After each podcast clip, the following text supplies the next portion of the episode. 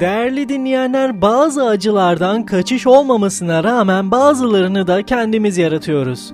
Acıyı hayatın doğal bir parçası olarak kabul etmeyi, reddetmenin kişiyi kendisini sürekli bir kurban olarak görmesine ve sorunları nedeniyle başkalarını suçlamaya götürmesini buna örnek olarak gösterebiliyoruz. Ama çektiğimiz acıları başka yollarla da arttırıyoruz. Sık sık bize acı veren şeyleri zihnimizde tekrar tekrar düşünüyoruz. Uğradığımız haksızlığı büyüterek acımızı sürekli kılıyoruz ve onu canlı tutuyoruz. Belki de bunun durumu değiştireceği hakkındaki bilinçsiz bir istekle acı dolu anılarımızı tekrar tekrar yaşayıp duruyoruz.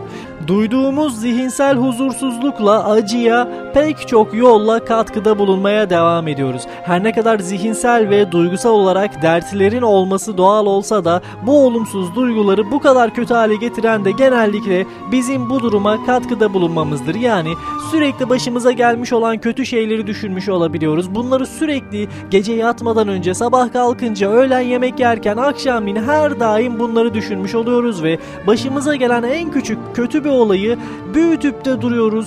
Büyüttükçe büyütüyoruz. Değerli dinleyenler size bir tavsiyem başınıza kötü bir şey geldiği zaman unutun gitsin. Unutamıyorsanız başınıza güzel şeyler gelmesini sağlayın. Çünkü hayat her şekliyle yaşamaya devam eder. İlla ki hepimizin başına kötü şeyler geliyor olabilir. Hepimiz birçok kötü şeyle karşı karşıya kalıyoruz değil mi? Gün içerisinde yüzlerce binlerce olayla karşılaşıyoruz zaten. Bunlardan illaki birileri kötüdür ama iyileri hatırlamakta fayda var.